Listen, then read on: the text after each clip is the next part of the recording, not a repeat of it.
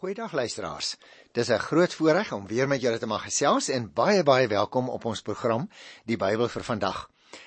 Nuwe luisteraars sal miskien nie besef nie, maar ons is besig om die Bybel deur te werk van Genesis tot Openbaring. Dit behoort ons so 5 of 5 en 'n half jaar te neem. So die Here wil en ons vra ook u voorbidding. Nie net uh, vir die luisteraars wat uh, inskakel nie, maar ook vir ons personeel hier by Transwêreld Radio en vir myself wat dit voorberei dat die Here regtig vir ons deur sy gees sal lei en sal leer dat ons 'n beter kennis van sy woord sal kry en op dië manier ook hom beter sal leer ken. Ons is op hierdie stadium by Lukas, die evangelie volgens die beskrywing van Lukas. En ons het nou net klaar gemaak met die eerste 2 hoofstukke en dit het dan ook gehandel oor die sogenaamde geboorteverhaal van Johannes en die Here Jesus. En daarom begin ons nou vandag met die derde groot afdeling in die evangelie van Lukas Dit word genoem die voorbereidingsverhaal en dit strek dan van Lukas 3 vers 1 tot by hoofstuk 4 aan die einde van vers 13. So kom ons begin dadelik met hierdie voorbereidingsverhaal. Ter inleiding miskien net 'n baie kort opmerking voordat ek vers vir vers weer daardeur gaan. Jy sien hierdie afdeling begin met 'n beskrywing van die werk van Johannes. Dis nou natuurlik Johannes die Doper as voorbereider vir Jesus se bediening wat hierop gaan volg. Daarna beskryf Lukas Jesus se eie bevestiging van sy roeping en ook sy taak wanneer Jesus homself laat doop deur Johannes die Doper. Jesus word ook deur die Satan getoets waardeur bepaal word of hy gereed is vir so 'n groot taak. En die geslagsregister wat ons gaan kry wys vir ons dat Jesus waarlik geskik is vir die rol wat aan hom toegeken is deur die Hemelse Vader. Johannes dien hier dan ook as 'n oorgangsfiguur tussen die ou en die nuwe bedeling. Dis byna soos 'n skanierfiguur, uh soos in die tyd van Samuel in die Ou Testament waar Samuel 'n posisie inneem tussen die rigters en die profete. Ekskuus wat ek nou net gou daaroor dink, dit was tussen die rigters en waar hy 'n tussenposisie inneem tussen die rigters en die profete. So dit is ook nou hier 'n oorgangsfiguur in die persoon van Johannes die Doper tussen die ou bedeling en die nuwe bedeling. Nou goed, kom ons begin dan by die eerste 2 verse van Lukas die 3de hoofstuk. Dit was die 15de regeringsjaar van keiser Tiberius. Pontius Pilatus was goewerneur van Judea en Herodes heerser van Galilea. Sy broer Filippus was heerser van Iturea en van Trachonitis en Lysanias heerser van Abilene. Anna en Kajafas was die hoë priesters. In daardie tyd het die woord van God tot Johannes, die seun van Sagaria, in die woestyn gekom. Nou luisteraars, is 'n baie interessante uh stukkie agtergrond en inligting wat ons hier kry. So kom ons gesels net eers so 'n bietjie oor Johannes se taak. Jy sien keiser Tiberius was van die jaar 14 tot 37 na Christus aan bewind. Gouverneur Pilatus was verantwoordelik vir die provinsie Judea. Herodes Antipas en Filippus was halfbroers en ook seuns van Herodes die Grote wat meer as 20 jaar tevore alreeds dood is. Dit wil dus nou voorkom asof Antipas en Filippus en Pilatus en Lysanias eweveel mag in hulle onderskeie streke gekry het. Hulle was almal onderworpe aan Rome en daarom moes hulle sorg dat die vrede in hulle gebiede bewaar word. Aan die ander kant nou weer, Pilatus en Herodes en Kajafas was die magtigste leiers in die Palestynse provinsie. En tog is hulle skerp gekritiseer deur 'n profeet uit die woestyn, naamlik Johannes die Doper. God het deur die eensame profeet van die woestyn met die volk gepraat. In die lig van God se heilsplan kan ons nou sê dat hy 'n baie groter figuur as enige ander van die leiers van daardie tyd was. Jy sien, jy en ek is so dikwels geneig om mense volgens ons eie samelewing se maatstawwe soos mag en rykdom en skoonheid te beoordeel byvoorbeeld. Dat ons die wat waarlik groot is en deur wie God op 'n besondere manier werk juis in die maatskappy nie eens raak sien nie. Belangrikheid word nie gemeet aan wat jy het nie, hoor, maar aan wat jy vir God doen. Gee jouself luisteraar, net soos Johannes, met volkomme oorgawe vir die Here sodat sy krag in en deur jou kan werk. 'n Mens moet in hierdie inleidende twee verse ook net dit opmerk dat die godsdienstige leiers word naas die politieke leiers van die tyd vermeld. Annas was natuurlik hoë priester vanaf 6 tot 15 na Christus nadat hy deur die Romeinse goewerneur aangestel is. Na sy afsetting was daar 'n hele paar ander hoëpriesters en van 18 tot 36 na Christus het Annas se skoonseun Kajafas die pos beklee. En ons gaan nog heelwat van hom uh lees. Jy sal ook onthou dat ek in 'n vorige program uh vertel het dat dit interessant is om op te merk Lukas knoop graag sy verhaal aan die wêreldgeskiedenis. Johannes die Doper se openbare werksaamheid begin van die 15 regeringsjaar van keiser Tiberius af staan hier. Dit wil sê so ongeveer in die jaar 27 na Christus. Vir Pontius Pilatus en Filippus het ons al van tevore ontmoet. Maar Lysanias is 'n man van wie ons eintlik verder niks weet nie. En hy het geheers, so het ons nou net gelees, oor Abilene. Abilene was 'n gebied tussen die Hermonberge en die boeloop van die Jordaanrivier. Annas en Kajafas was die hoë priesters. Die Romeine is interessant om te onthou, het in die jaar 6 na Christus vir Annas as hoëpriester aangestel en hom 9 jaar lank uit sy amp ontslaan. Na sy ontslag het 5 van sy seuns na mekaar hoëpriester geword en daarna eers sy skoonseun Kajafas. En soos ek net nou gesê het, hy het uh, opgetree as hoëpriester so tussen die jare 18 en 36 na Christus. Interessant ook die name van hierdie politieke en godsdienstige leiers word geassosieer met die toestande wat geheers het toe Johannes die Doper begin preek het. Op politieke en sosiale en godsdienstige gebied het die geskiedenis dus eintlik in 'n sekere sin 'n laagtepunt bereik. Maar kom ons lees verder by vers 3. Hy het deur die hele Jordaanstreek gegaan en verkondig: "Bekeer julle en laat julle doop en God sal julle sondes vergewe." Nou luisteraars, dis belangrike opmerkings wat ons hier kry, want Johannes rig hom hoofsaaklik tot Joodse luisteraars. Met ander woorde, mense wat aan die Joodse geloof behoort het en wat in God, soos hulle hom genoem het, Jahwe, geglo het, maar wat afgedwaal het van die geloof. Nou berou oor die sondes behels twee dinge: dat 'n mens van die sonde sal pad gee. En tweedens, dat jy jou sal wend tot God. Die ou kerkvaders sal jy miskien onthou het gesê mens moet jou afkeer van die sonde en toekeer tot God. Nou dit is die dubbel uh, kant van hierdie hele saak dat 'n mens van die sonde sal pad gee en jou in die rigting van die Here sal wend.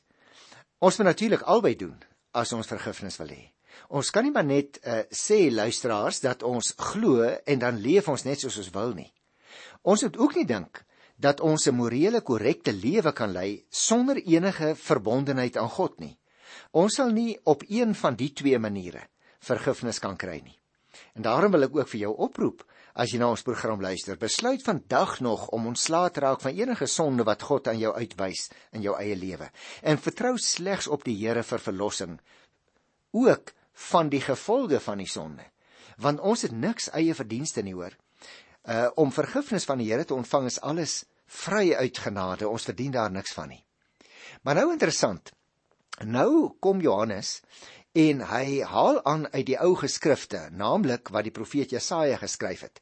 Hier by die 4de vers lees ons: So staan daar geskrywe in die boek van die profeet Jesaja: Iemand wat roep in die woestyn: Maak die pad vir die Here gereed, maak die paaie vir hom reguit. Elke kloof moet opgevul en elke berg en bult plat gemaak word. Die krom paaie moet reguit en die ruwe paaie moet gelyk word. Nou in Johannes se tyd luisteraars het boodskappers vooruitgegaan as 'n koning van plan was om 'n plek of mense te besoek. Dis byna soos in ons tyd, né?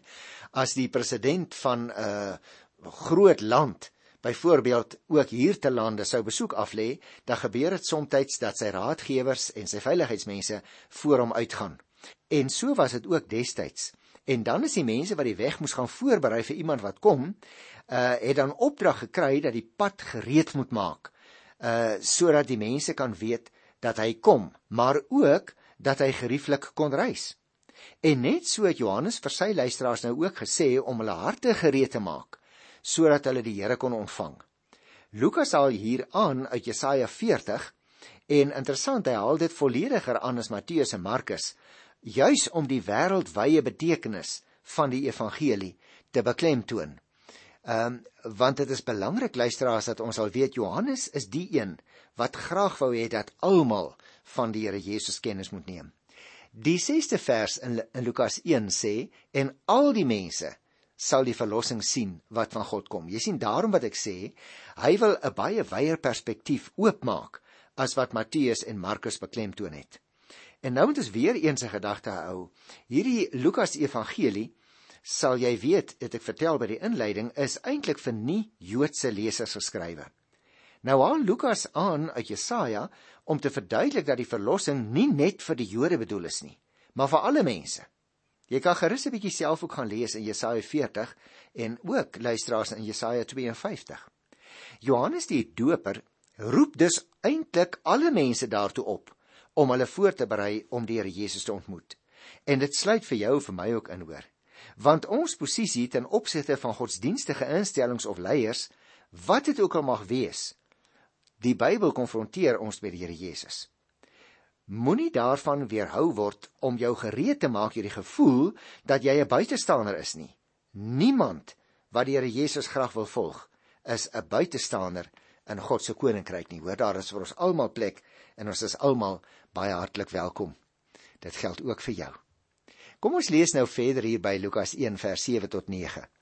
Die mense het in groot getalle uitgegaan om deur Johannes gedoop te word. Hy het vir hulle gesê: "Julle slange. Wie het julle wys gemaak dat julle die dreigende toring kan ontvlug? Dra liewer vrugte wat bewys dat julle bekeer is. En moenie by julleself sê: Ons het Abraham as voorvader nie, want dit sê ek vir julle, God kan uit hierdie klippe kinders vir Abraham verwek. Die byl lê al klaar teen die wortel van die bome. Elke boom wat nie goeie vrugte dra nie, word uitgekap en in die vuur gegooi.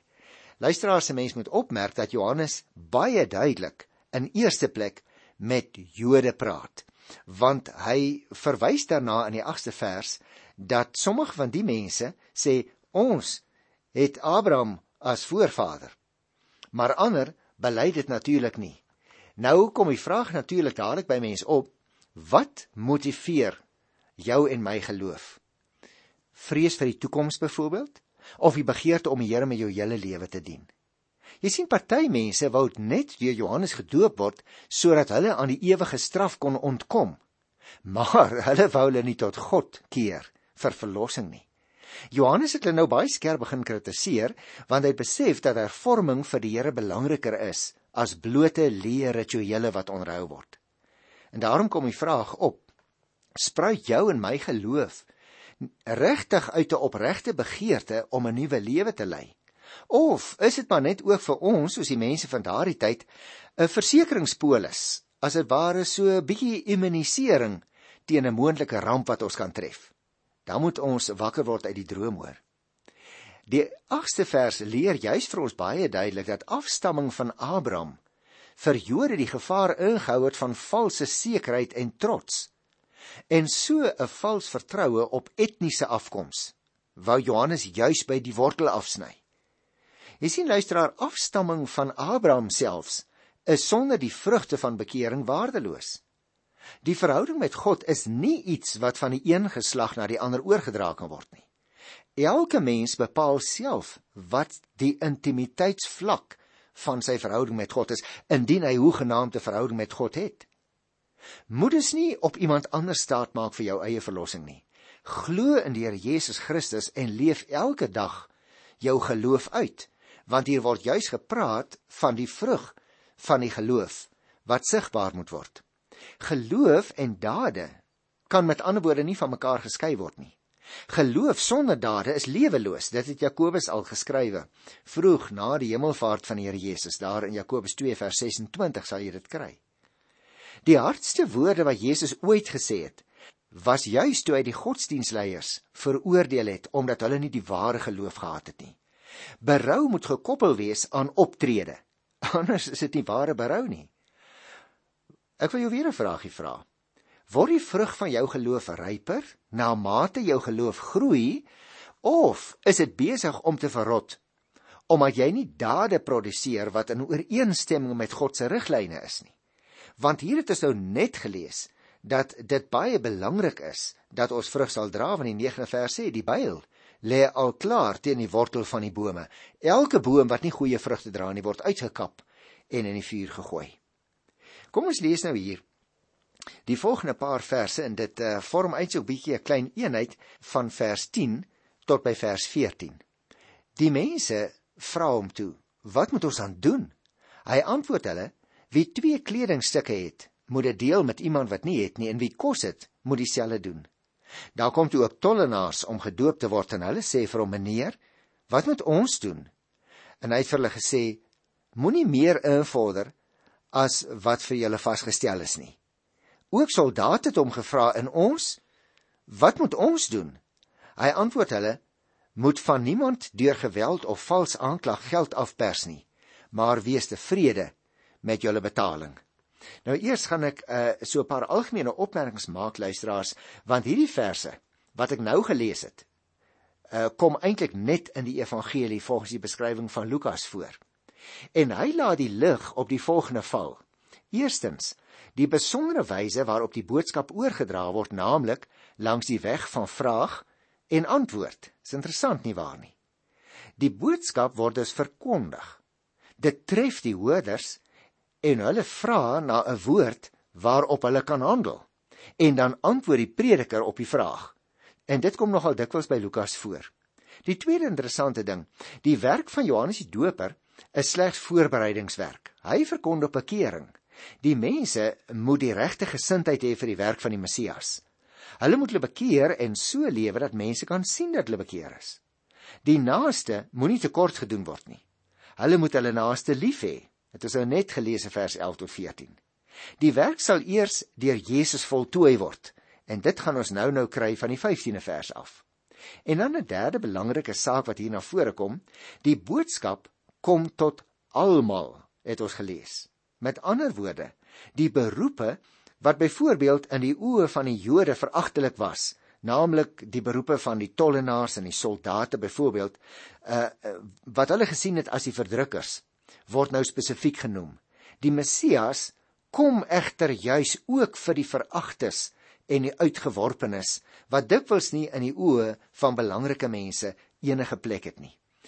Luisteraars, is interessant om 'n gedagte te hou. Tollenaars was natuurlik bekend vir hulle oneerlikheid. Alhoewel die Romeinse owerhede self hulle belastings geïn het, kon indirekte belastings op 'n kommissiebasis deur Jode self ook ingesamel word. Nou wie die hoogste bod gemaak het, kon hierdie werk kry. Uh en dan van agente gebruik maak om die werk uit te voer. En hierdie manier van belasting insamel was uiteraard uh was dit vatbaar vir baie misbruik. Die mense moes maar betaal wat die agent hulle vra of anders het hulle in opstand gekom en gevaar geloop om met die Romeinse regering te bots. Dit is dus vanselfsprekend dat hulle die tollenaars gehaat het omdat hulle so geldgierig en oneerlik was en gewoonlik nie geskroom het om hulle volksgenote juis vir geld te verraai nie. En tog sê Johannes dat God selfs hierdie mense sou aanneem as hulle hulle sondes met opregte berou voor hulle bely en hulle lewens ingrypend verander. En luisteraar, miskien sit daar iemand wat aan ons ons program luister en wat vir hom of vir haarself sê, maar ek het so ver geval in die maatskappy. My lewe is so krom, my my lewe is so sondig voor die Here. Dan wil ek vir jou sê dit is juis vir mense wat hulle self so sien vir wie die Here Jesus gekom het.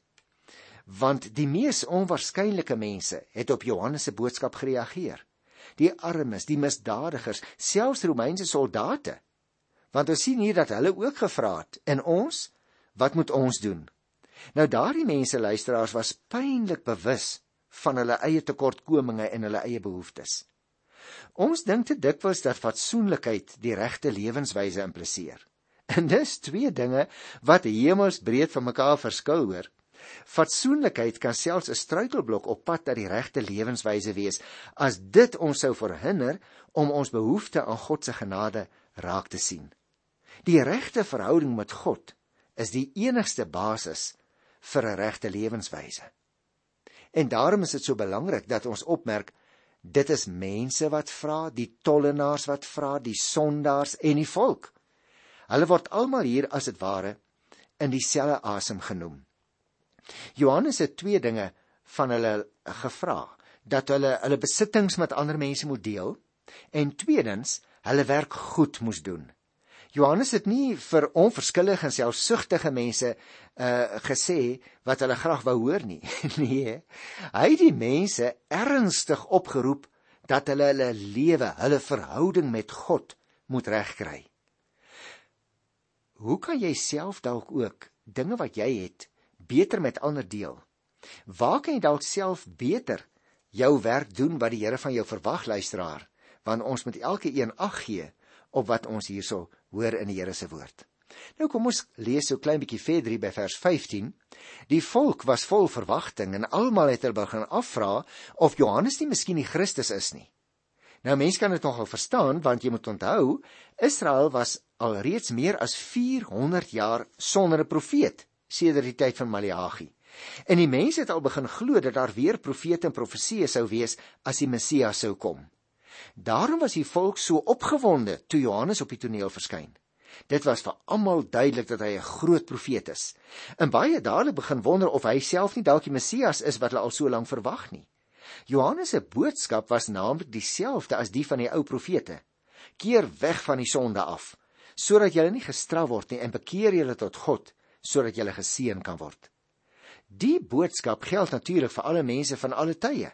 En tog het Johannes opgetree asof dit spoedeisend en dringend was. Die rede daarvoor was natuurlik dat hy die mense op die spoedige koms van die Here Jesus, naamlik die Messias, wou voorberei. Nou kom ons kyk hier by vers 16. Daar lees ons hierdie interessante woorde. Daarop gee Johannes aan hulle almal die antwoord: Ek doop julle wel met water, maar my meerdere kom en ek is nie werd om sy skoene los te maak nie. Hy sal julle met die Heilige Gees en met vuur doop. Jy sien luisteraar, mense moet hierdie teenstelling onthou. Johannes het die mense met water gedoop. Dit was die simbool van hulle sondes wat afgewas word. En dit het natuurlik verband gehou met sy boodskap van sondeberou en 'n nuwe lewe. Maar sê hy nou, die een wat kom is baie baie meer as hy self. En Johannes is so bewus dat Jesus sy meerdere is dat hy homself vergelyk met die slaaf wat die nederige werk moet doen om sy baas se vuil sandale los te maak en hy sê ek is selfs nie eens werd om hierdie geringe ou taakie te verrig nie. Die 17de vers sê: Hy, dit is nou die Messias, het sy skop in sy hand en hy sal sy dorsvloer deur en deur skoon maak. Die koring sal hy in sy skuur bymekaar bring, maar die kaf sal hy met onblusbare vuur verbrand. En ek dink eh, wat hier na vore wil kom uit wat Johannes sê, luisteraars, is dat die Here Jesus se doop met vuur 'n mens juis die krag van God wil laat leer ken. Hy wil hê ons moet die wil van die Here ken en doen. En nou natuurlik, dit is op Pinksterdag vir die eerste keer beleef daar in Handelinge 2. Toe het die vuur van God op mense gekom op 'n baie besondere manier. Nou kom ons sluit af hier by, by vers 18 tot by vers 20 waar ons lees: Ook oor baie ander dinge het hy dikwels die volk vermaan en die goeie boodskap aan hulle verkondig. Hy het ook vir Herodes die heerser tereggewys oor Herodias, die vrou van sy broer, en oor al die ander slegte dinge wat Herodes gedoen het. Maar Herodes het nog verder gegaan en Johannes in die tronk opgesluit. Kan jy dit nou glo? Hier word Johannes nou gearresteer En hierdie twee verse luisteraars is eintlik 'n vooruitskouing wat deur Lukas al reeds hier vroeg in sy vertelling ingevoeg is om die leser solank meer omtrent Johannes die Doper te vertel. En hier word nou natuurlik verwys na Herodes Antipas. Herodes was nie net familie van hom nie, maar ook nog sy broer se vrou. En nou Johannes se teregwysing van Herodes is op grond van morele redes en waarskynlik gebaseer op Levitikus 18 vers 16 wat ons behandel het en wat daar staan jy mag die skaamte van jou broer se vrou nie ontbloot nie. Dit was dus baie gevaarlik om 'n magtige staatshoof reg te wys is in ons tyd ook so. En tog was dit presies wat Johannes gedoen het.